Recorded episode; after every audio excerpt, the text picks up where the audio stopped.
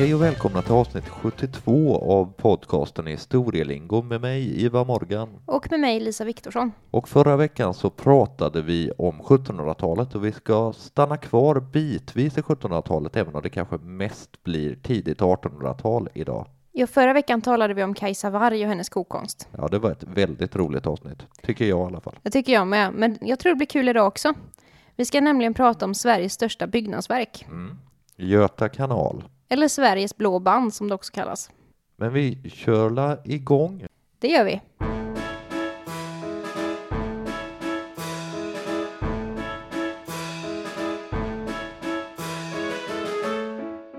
Som vanligt när vi börjar våra avsnitt så kan det vara bra att sätta scenen. Absolut. Eh, och i det här fallet då, varför byggde man Göta kanal? Ja, Vad var behovet?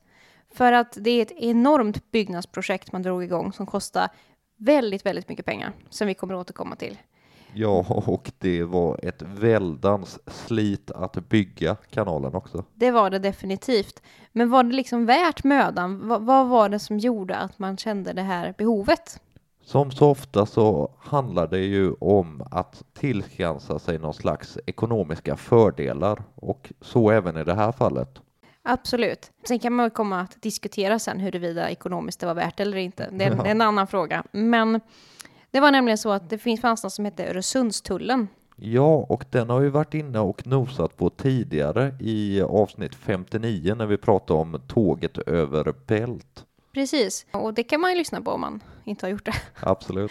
Och som man hör på namnet så är det ju en dansk tull Mm, som man tog på fartyg i Öresund. mm, Och det här var en tull som fanns väldigt länge. absolut. Man införde den redan 1429. Mm. Och då var det ju riktat mot Hansan. Eh, Men den kom att bestå ända fram till 1857. Ja, det är ett ganska långt tag som man har den här tullen alltså. Till en början så tar man en, liksom en grundavgift, samma avgift på alla fartyg Mm. som passerar i Öresund. Men efter ett tag så kommer man på att nej men, vi kan tjäna mer pengar och då tar man ut även en handelstull då på handelsfartyg. en Just det. extra tull och då fick de betala olika beroende på vad de hade för varor och hur mycket och sådär. Mm. Lite så som tull funkar idag. Ja, precis. Och det var ju väldigt, väldigt mycket fartyg som passerade redan då. Ja, det är ju självklart för ska man in i Östersjön så måste man ju ta den här vägen. Exakt, Och där har vi ju Ryssland och vi har en mängd andra länder. Absolut. Och eh, när man startar den här tullen så är ju Sverige och Danmark i Kalmarunion. Mm. Och eh, Sverige automatiskt då slipper den här tullen. Mm. Och eh, även efter Kalmarunionens upplösande då, 1523, så lyckas Gustav Vasa förhandla sig till fortsatt tullfrihet. Just det. Men det här gällde ju bara svenska fartyg. Mm. Sverige hade ju provinser i hela Östersjöområdet. Mm. Man hade det i Tyskland, nuvarande Tyskland, man hade det i Baltikum, man hade det i Finland Mm. och i Ryssland i viss mån också. Och det var ett problem för Sverige. För Ja, att absolut. de fartygen från de här länderna till och från, liksom, de behövde betala tull. Just det. Och det ville man inte. Nej, det blev dyrt. Och eh, det blir lite kris i Danmark ekonomiskt på 1630-talet, 30-40-talet. Och då höjer man, man liksom höjer upp tullavgifterna. Just det. Och i Sverige blir man, ja man blir rent ut sagt fly förbannad på det här. Mm. Och man startar ett krig. Ja, Det var ofta så man löste saker på 1600-talet. ja. Och gärna när det fanns ett krig som hägrade mot dansken så tog man den chansen. Precis. Men vid freden i Brömsebro, Ja, en klassisk fred. ja, 1645, då får Sverige total tullfrihet Mm. igen. Och sen så behöll man den här tullfriheten ett tag. Mhm. Fram till freden i Fredriksborg 1720. Mm. Då avskaffas den svenska tullfriheten. Då får Sverige betala tull precis som alla andra. Just det. Det här var ju en, en, en, en ekonomisk smäll mot Sverige när man behövde betala den här tullen för att det var väldigt stora pengar det handlade om. Danskarna tjänade jättemycket pengar på Öresundstullen. Ja, absolut. Och kunde bygga diverse skrytbyggen i Danmark. Ja, flera av eh, slotten som finns i Danmark idag är ju finansierade helt av, eh, Ja, tullavgiften helt tullavgiften. enkelt. Och det klassiska börshuset i Köpenhamn Just det. eh, med det här spektakulära taket, det är också finansierat direkt av tullavgifter. Ett, ett företag som eh, måste betala den här tullen, det är det svenska Ostindiska kompaniet. Mm. Och det löser man genom att man, man startar alla sina resor i Göteborg. Många av kompaniets fartyg de byggs i Stockholm, men man fraktar dem ifrån Stockholm till Göteborg. Mm. Och så lastar man dem i Göteborg och åker till Kina. Och när man kommer hem igen då med sina varor så åker man till Göteborg. Och då slipper man Öresund. Ja, självklart. Och då slipper man tullen. Men då måste man frakta alla de här varorna landvägen istället. Det får man göra. Om, Men- man, om de ska till Stockholm. Precis, fast väldigt mycket säljs ju i Göteborg, ska, ska vi säga också. Men det är en, det är en lite annan historia, kanske ett, ett, ett annat avsnitt. Mm. Men, eh, så det löste man på det sättet då. Men det här var ju besvärligt med den här tullen för att både för Sverige, men då även för provinserna i, Öst, i Östersjöregionen, eftersom att alla fartyg måste betala tull oavsett om det är ett handelsfartyg eller inte. Mm. Och den här håller ju i sig väldigt länge, den här tullen. Mm. Det är först 1857 som man i Danmark bestämmer att vi, vi struntar i Öresundstullen. Men alla länder som vill handla i Östersjön måste betala då en engångssumma till danska staten istället. Ja, okej. Och det var avsevärda miljoner som behövde betalas då. Eh, Men det är väl så att säga anledningen till att man vill bygga Göta kanal. Mm. För att slippa ta vägen genom Öresund helt enkelt. Vem var det då som lät bygga Göta kanal? Ja, det var en man som hette Baltzar von Platen. Och eh, jag har kollat lite grann på hans biografi här. I alla fall den tidiga biografin fram till själva kanalbygget.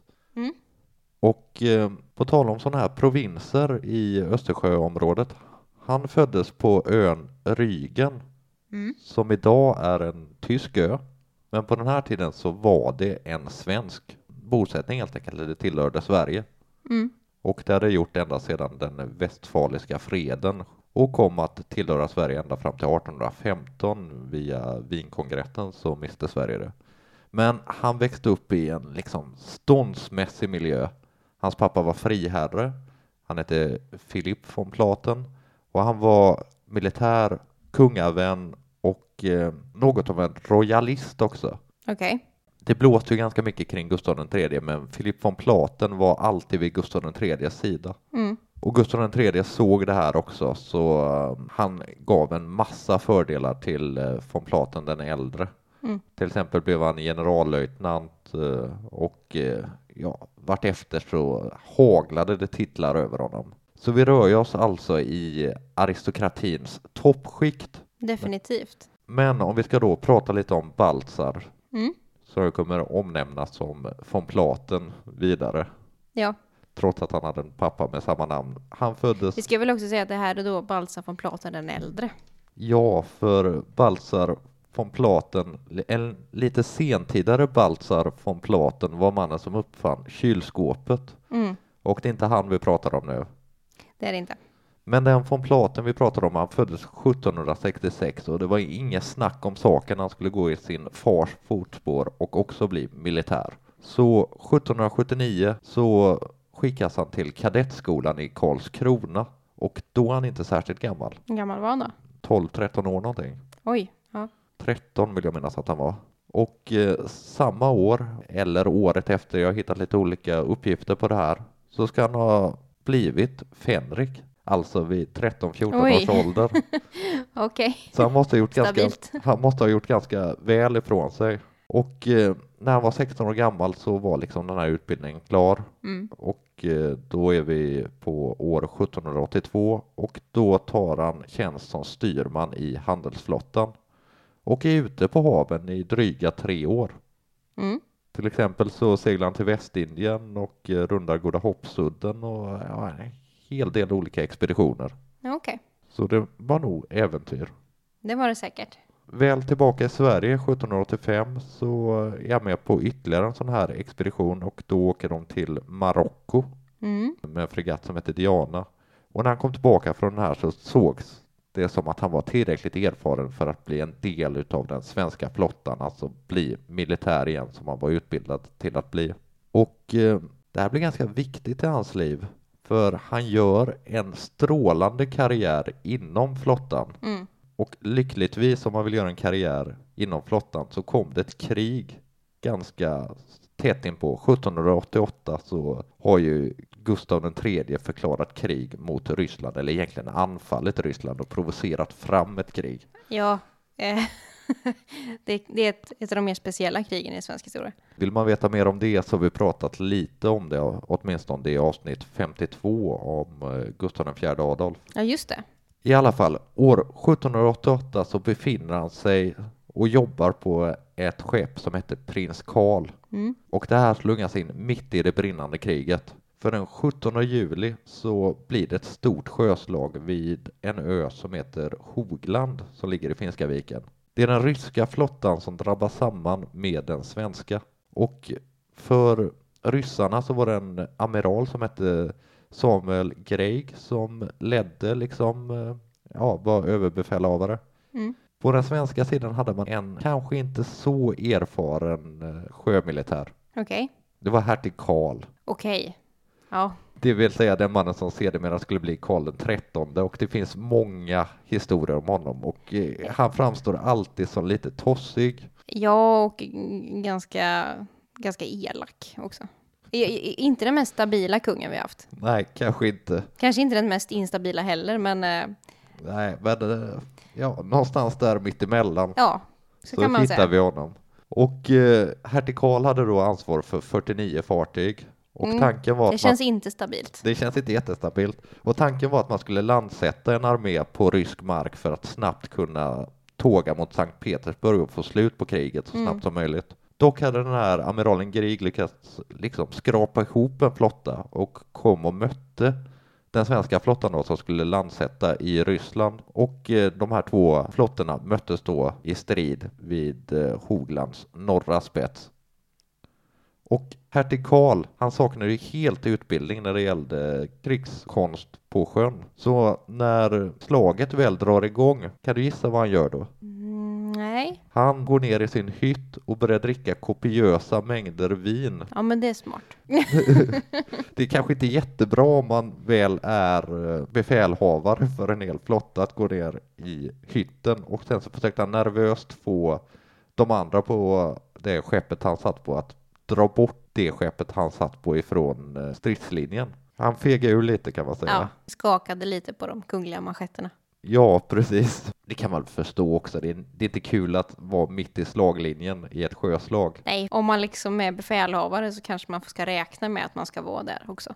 Ja, Eller? Jag vet inte, Man, det ingår i dealen någonstans. man kan anta det. Det fanns dock kompetenta svenskar också i marinen. Mm. Till exempel så var det flaggkaptenen Otto Henrik Nordenskjöld som egentligen förde befälet i det här Mm. slaget. Och han hade gedigen erfarenhet. Han har varit med i nordamerikanska frihetskriget. Både på britten och fransmännens sida. Okej, Ja, jaha. det är lite speciellt, men Ja. så var det i alla fall. I alla fall, linjen bröts och eh, det stora liksom, flaggskeppet där hertig Karl satt, som hette konung Gustav III, var tvungen att eh, liksom vika av. Och det här gjorde att ryssarna fick ett litet försprång och då gick på skeppet Prins Gustav där vi hittar Baltzar von Platen. Okej.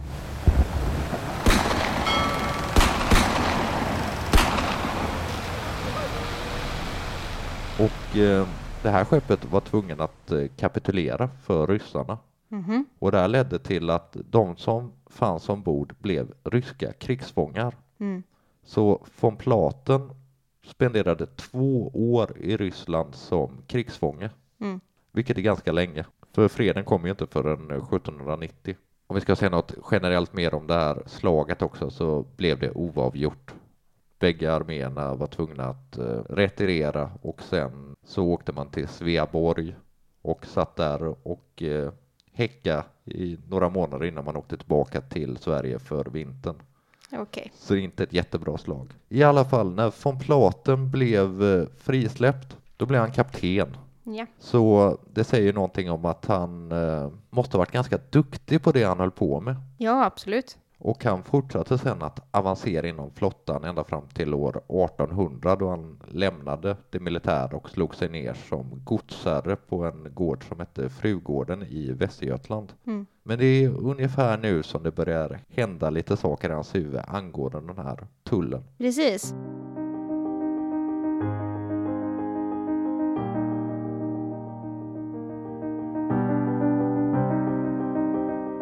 De här planerna på att bygga en kanal som då ska liksom, för att förhindra tullen, det är ingenting nytt. Nej, Utan de har kommit redan under 1500-talet.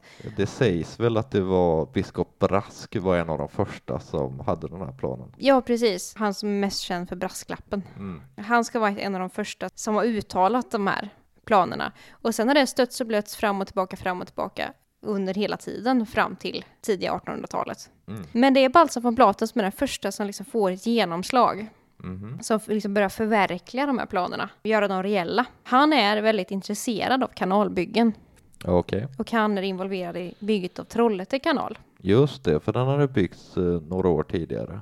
Mm, och satt han i styrelsen för Trollhätte kanal. Eh, Och eh, han åker på en resa i Sverige Mhm. Där han liksom letar i mark, liksom i terrängen för att staka ut vägen där då Göta kanal skulle kunna ringla sig fram. Mm. Och när han har gjort detta så skriver han en avhandling som han lägger fram 1806.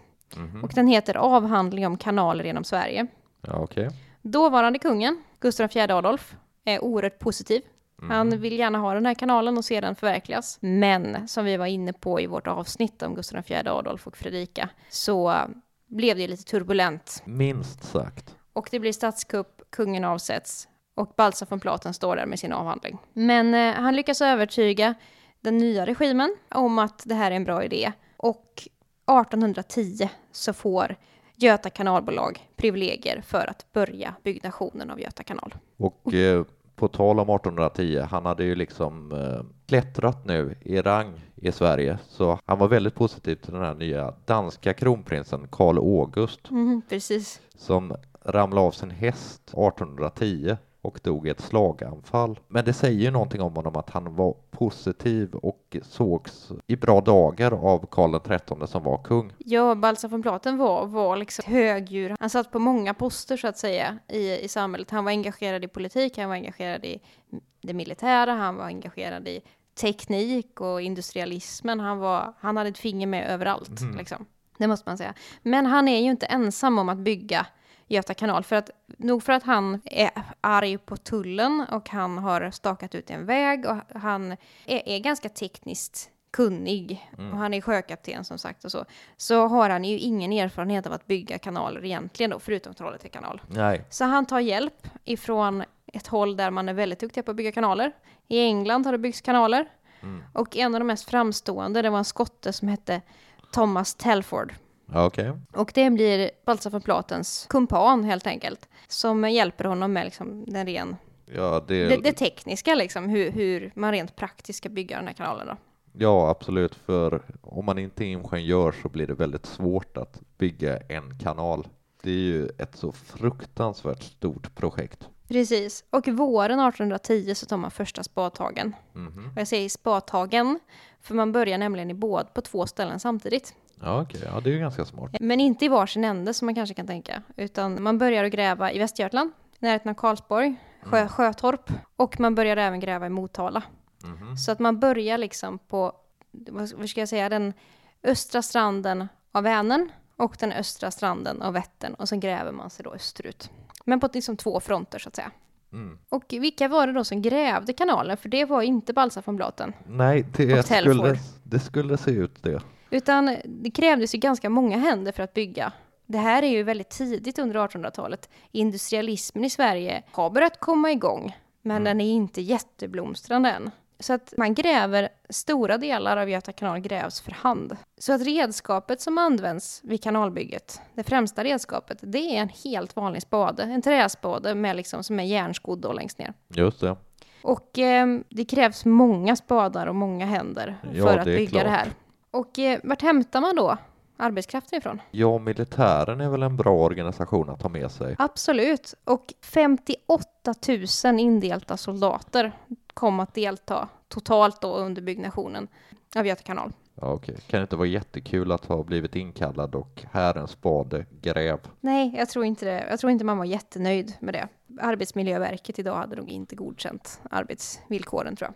Det Man- tror inte jag Man heller. jobbade, ja, en arbetsdag var 12 timmar. Så man jobbade 12, Åh, 12, herregud. 12 timmar i sträck så grävde man. Men det var inte bara soldater. Nej. Utan det var även, du var inne på tidigare att han hade varit i kontakt med ryska krigsfångar. Mm.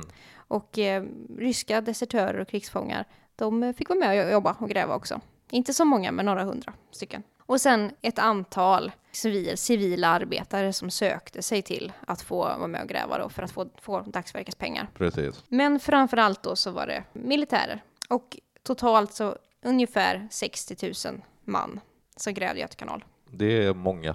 Och eh, det var ju en horribel arbetssituation. Inte bara att det är väldigt tråkigt att gräva kanal. Det var otroligt slitsamt för kroppen, för rygg och för armar och leder och allt möjligt. Och eh, sen grävde man ju året runt. Det var inte så bara att man grävde på sommaren, utan man grävde på vintern och ett stort problem var att arbetare då förfrös fingrar och händer. Ja, och bara tänka sig att gräva när det är fruset i marken. Mm. Det, Det- det är inte särskilt kul. Nej, det är helt idiotiskt och det är ganska inhumant att man inte liksom pausade under vintern. Mm. Men det gjorde man inte. Och eh, för att hjälpa arbetarna lite, istället för att ge dem liksom vettiga redskap och kläder och sådär, så gav man dem brännvin då. Ja, Så okej. att eh, det var väldigt blött, så att säga, det här kanalbygget. För att brännvinet då skulle hjälpa till att motverka ja, kyla helt enkelt. frusenheten liksom. Mm. Och en som har skrivit om arbetarnas villkor under byggnationen av Göta kanal, vet du vem det är? Nej, Det är självaste Tage Danielsson. ja, han var ju östgöte.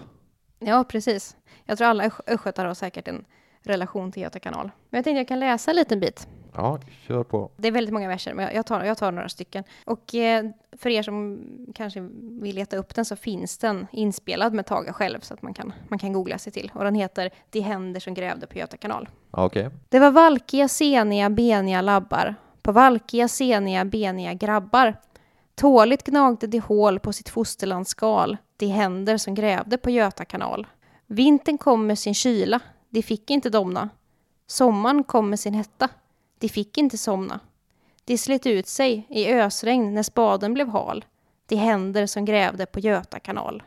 Är det underligt att deras tummar blev krumma och att fingrarna tedde sig fula och dumma? Vilke vire var ofta en smärre skandal på de händer som grävde på Göta kanal. Se på nagen, ett liv som blev kantat av sorgen. Varför står inte ni som statyer på torgen? Vackert huggna i marmor på guldpedestal. Ni händer som grävde på Göta kanal. Ja, det var fyndigt. Han var ofta fyndig. Men det är ganska målande tycker jag. För som sagt, arbetssituationen var under all kritik. Mm. Men det var inte bara spadar som behövdes för att bygga en kanal. Det krävs ju slussar och sånt också. Ja, självklart. Så det kräver ju ganska mycket teknik. Och det är här då engelsmannen Telford kommer in. Han lånar nämligen ut mudderverk till exempel. Och andra tekniska liksom, hjälpmedel för att kunna bygga slussarna framför allt.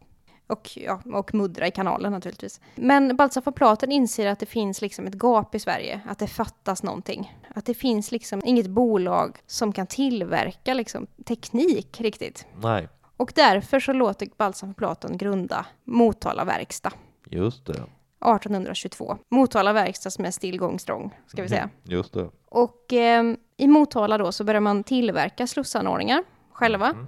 Men framför allt också så servade man ju de maskiner som man hade fått låna från England. Just det. Och eh, vi kan väl ta en liten utvikning om Motala verkstad. Absolut. För det här tycker jag är, det här är historia som jag gillar. Ja, du gillar ju industrihistoria. Ja, för under årens lopp så har man byggt väldigt mycket vid Motala verkstad. Man har byggt mängder av broar, flera hundra broar. En väldigt känd bro är Västerbron i Stockholm. Just det. Byggt på Motala verkstad. Cirka 400 fartyg har färdigställts. Mhm. Man har byggt enorma mängder med järnvägsräls och valsar. Och man har byggt 1300 lok. Ja, det är ganska många lok det alltså. Under 70-talet så var Motala verkstad världens största tillverkare och exportör av diskbänkar. Bara en sån sak. Och eh, det är till och med så att i liksom, den finkulturella sfären så finns Motala verkstad med. Mhm. För Vad tänker du på då? Det är nämligen så att, att i en världsomsegling under havet, Ja, den Jules Verne-boken. precis, så är Motala verkstad med. det visste jag inte. Jag har ju läst den här boken, i och jag var barn när jag läste den, så jag reagerade väl inte på det då. Motala har ingen stor plats i boken. Men Kapten Nemo när han ska bygga sin farkost Nautilus så låter han rammen på den här farkosten. Den beställer han ifrån Motala verkstad. Ja, okej. Ja, det hade jag ingen aning om. Det är rätt tufft faktiskt. eh, Rolig information. Mm. Och som sagt, Motala verkstad finns ju kvar idag och man tillverkar diverse reservdelar men man gör fortfarande större uppdrag också, större projekt. Men eh, ja, vi kan väl namedroppa lite folk som har haft anknytning till Motala verkstad, förutom Balsa von Platen Mhm. under årens lopp. För den som då, nu är det lite, lite nördigt, eh, nördig svensk industrihistoria, men jag tycker det är jätteroligt, så att vi tar med den då. C.G. Bolinder, Mhm. till exempel, eh, som ju själv då skapade Bolindermotorerna. Mhm. Ett väldigt välkänt namn, Gottfrid Kockum, Mhm. var skolades vid Motala verkstad och eh, ja, behöver väl inte säga så mycket mer. så. Nej. Och bröderna Eriksson, alltså John och Nils Eriksson, Ja, okej. de skolades också i Motala verkstad och eh, ja, John uppfann ju propellen till exempel. Och Nils Eriksson, han kom ju sen att bli väldigt viktig i ett helt annat kanalbygge. Mm. För han var ju den som skapade Dalslands kanal. Just det. Så det hänger ihop allting. Men innan vi lämnar Motala så kanske vi ska inflika att Baltzar von Platen inte bara grundade Motala verkstad, Nej. utan även staden Motala. Eller grundade gjorde han ju inte, men det är han som har gjort stadsplaneringen. Ja, okej. Han hade många strängar på sin lyra Ja. helt enkelt. Han gjorde helt enkelt ritningen, stadsplanen över Motala. För att när man byggde verkstaden så skapades det ju naturligtvis ett samhälle runt om. Så är det ju när man har byggt industrier. Mm. Men eh, Baltzar von Platens stadsplanering är lite ovanlig. Mhm. På Den- vilket sätt då? Den, den eh, är utformad som en solfjäder. Okej. Mm, Så att där, där solfjädern sitter ihop så att säga, det kallas då eh, von Platens punkt. Ja, okej. Ja, det. Och eh, det finns ju då, de äldsta delarna av Motala har ju fortfarande solfjädersformen så att säga. Och stadsvapnet, Motala stadsvapen, har, är en solfjäder. Och det är då en, ja, en blink till von Platen. Men eh, det här var ju ett sidospår. Tillbaka till kanalen.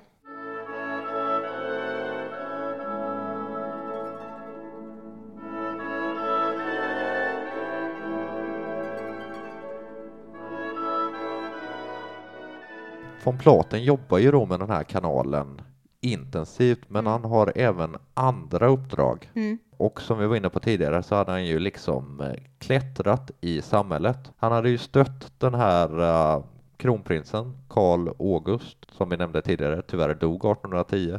Men när den nya liksom, kronprinsen ska komma, Jean Baptiste Bernadotte, så stödjer han honom också. Mm. Och en annan sån här sak som man var väldigt begeistrad i, det var tanken på en union med Norge. Ja, Och det blev det ju också 1814. Kanske inte så mycket på grund av norrmännen utan på grund av att svenskarna gick in militärt. Och det är ju då Sveriges senaste krig. mm, precis. Och eh, när man väl ska sätta sig vid bords och diskutera det här, det vill säga det norska stortinget och representanter från Sverige, så är faktiskt eh, von Platen en av dem som sätter sig ner och utformar unionen. Mm. I samma veva 1815 så blir han greve, så där går han om sin pappa som bara var friherre. Okej. Och sen så jobbar han ju liksom bitvis med kanalen och lite andra grejer. 1827 så får han kanske sitt eh, finaste uppdrag. Mm. Det är då han blir riksståthållare i Norge, det vill säga han blir vicekung.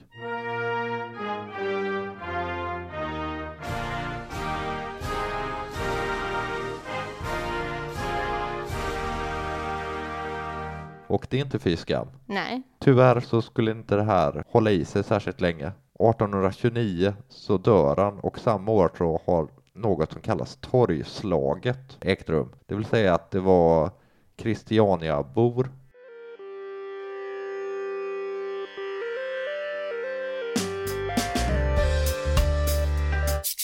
det vill säga Oslobor och studenter som hade samlats för att eh, liksom manifestera sitt missnöje. Och von Platen hade då eh, beordrat svensk militär att slå ner det här. Mm. Det var den 17 maj också. Ja. Så det var väldigt symboliskt alltihopa. Det kan vara så att det här tog honom ganska hårt för att eh, missnöjet började liksom att gro mot von Platen Men han levde inte särskilt länge efter det utan dog den 6 december samma år, alltså 1829. Och han är ju faktiskt begravd i kanalbalken Mm. av Göta kanal strax utanför Motala. Mm. Som han själv hade bestämt att han skulle begravas där. Precis.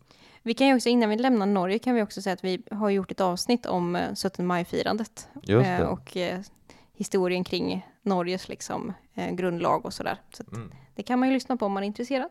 Jag glömt vilket nummer det är, men det sändes den 17 maj 2021. Ja. Vi kanske ska säga något mer om hans gravsättning också, för Mm. Von Platen hade uttryckligen sagt att han ville ha en väldigt lugn och stillsam begravning. Mm. Det ville dock inte Karl den XIV Johan. Nej. Så det blev ett väldigt ståhej kring det här. Han liksom i en stor procession så skickades han från Norge till då Motala som du just nämnde, dragen på en släde med fyra hästar. Och sen när han väl begravdes så var det 800 soldater som sköt eh, salut och Esaias Tegnér var där och diktade om det och så. Så att det var ett väldigt pådrag som han egentligen inte hade velat ha. Karl XIV Johan var ju mycket för Pompa och ståt. ja, stå hej i största allmänhet. Du sa ju då att han dog 1829 Mm. och vi har inte varit inne på när kanalen stod klar. Nej, för det var efter det här. Han fick aldrig se sitt livsverk klart. Nej, och det tycker jag är väldigt sorgligt egentligen. Att han hade jobbat så hårt för någonting som han inte fick se. Han fick se första etappen, den så kallade Västgötadelen av Göta kanal, han han se Mm. färdigställd, men inte hela kanalen då. För att Göta kanal invigs 1832, återigen med pompa och ståt, gala, mid- middagar och fester och eh, storslaget fyrverkeri. Ja, det var ju. Karl XIV Johan som var där med någon slags lyxjakt. Ja, precis. Och eh, i och med detta då så är ju Sverige nästan delat, höll jag på att säga, av den här blåa kanalen. Och Göta kanal tillsammans med Trollhätte kanal och Göta älv gör ju att man då kan ta sig sjövägen mellan Stockholm och Göteborg. Mm. Men jag tänkte, vi kanske ska ta lite Göta kanal i siffror. Ja, du gillar ju sånt. Mm. Det tog alltså som sagt 22 år att bygga. Och det är ju det i särklass största svenska byggnadsprojektet. Projektet någonsin. Ka- kanske lite i konkurrens med Hallandsåsen får man väl säga. Ja. Skillnaden är att eh, Göta kanalbygget löpte lite mer sm- smärtfritt.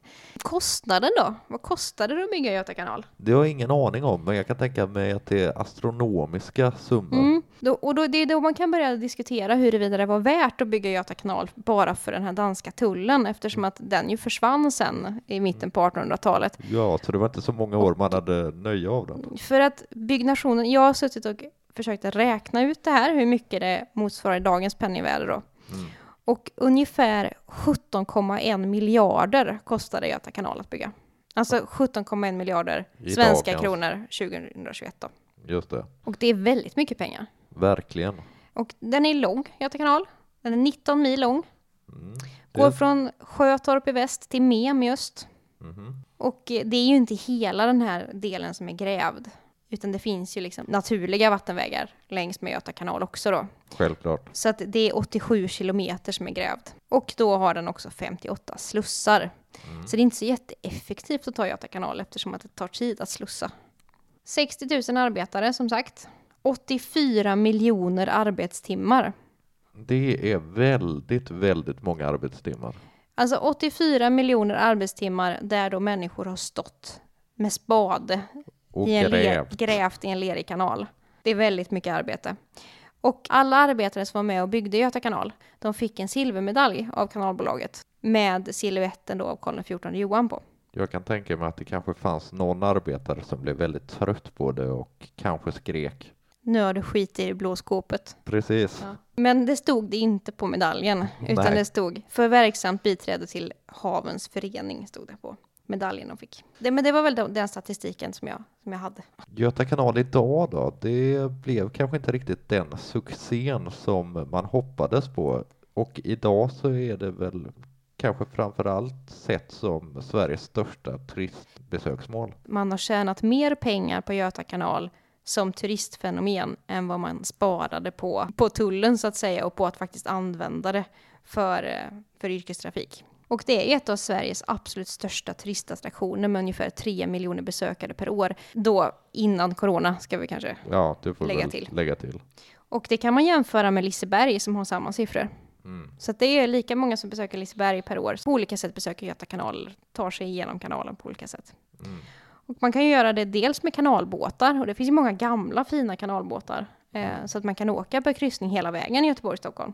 Ja, det låter Ehm, trevligt. Men också att man kan ta liksom olika typer av turistbåtar, vissa bitar, liksom dagsturer och sådär.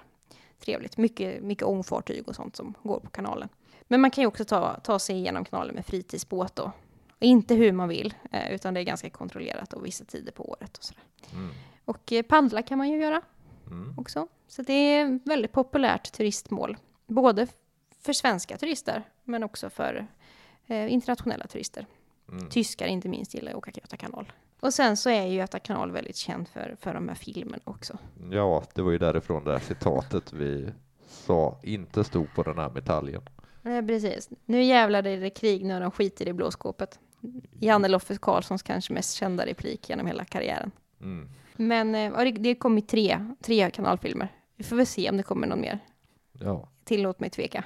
Ja, men det var väl det vi hade om eh, Göta kanal. Vi ska sammanfatta det här. ja, det blev ett eh, egentligen ganska spretigt avsnitt, men som ändå hade någon slags eh, logik i sig. Vi har pratat om allt från sjöslag till kanalbygge och filmer. Ja, absolut. Och det som man kan ta med sig är väl liksom den svenska industrialismen. Vilken enorm skjuts den får i samband med Göta kanal. Absolut, och vi befinner oss i liksom vaggan här för industrialismen som du sa Mm. och den skulle ju blomma ut fullständigt sen under senare delar av 1800-talet. Ja, absolut. Och sen ekonomiskt, det är ju en enorm turistmagnet Mm. som man tjänar pengar på eh, idag. Och även om kanalen i sig kanske inte genererar så mycket pengar på 1800-talet, så Motala verkstad, Ja, som ju är fortfarande ett av Sveriges liksom mest eh, största företag, mm. Som ju har inte bara gjort pengar utan har gjort väldigt mycket liksom, tekniska framsteg och sådär. Så att jag tycker Göta kanal är väldigt viktigt om man tittar till den svenska industrialismen och den utvecklingen. absolut. Och eh, jag är väldigt glad att jag fick lära mig att Jules Verne nämner Motala verkstad. Ja, det, det, det är märkligt. Men jag tycker det här var ett väldigt kul avsnitt. Absolut. Och eh, skulle det vara så att ni tycker om kanaler så kan ni väl slänga iväg ett mejl. Ja, vi har en e-mailadress som är historielingo.gmail.com. Ni kan också hitta oss på Instagram där vi heter Historielingo. Det går bra att kontakta oss där också. Om ni kanske vill ha eh, fler kanalrelaterade avsnitt, om Dalslands kanal till exempel, eller om, eh, Panama. ja, eller Suez, eller Trollhätte kanal har vi redan varit inne på, men det kanske går att återkomma. Ja, absolut. Hur som helst, tack för att ni lyssnade idag.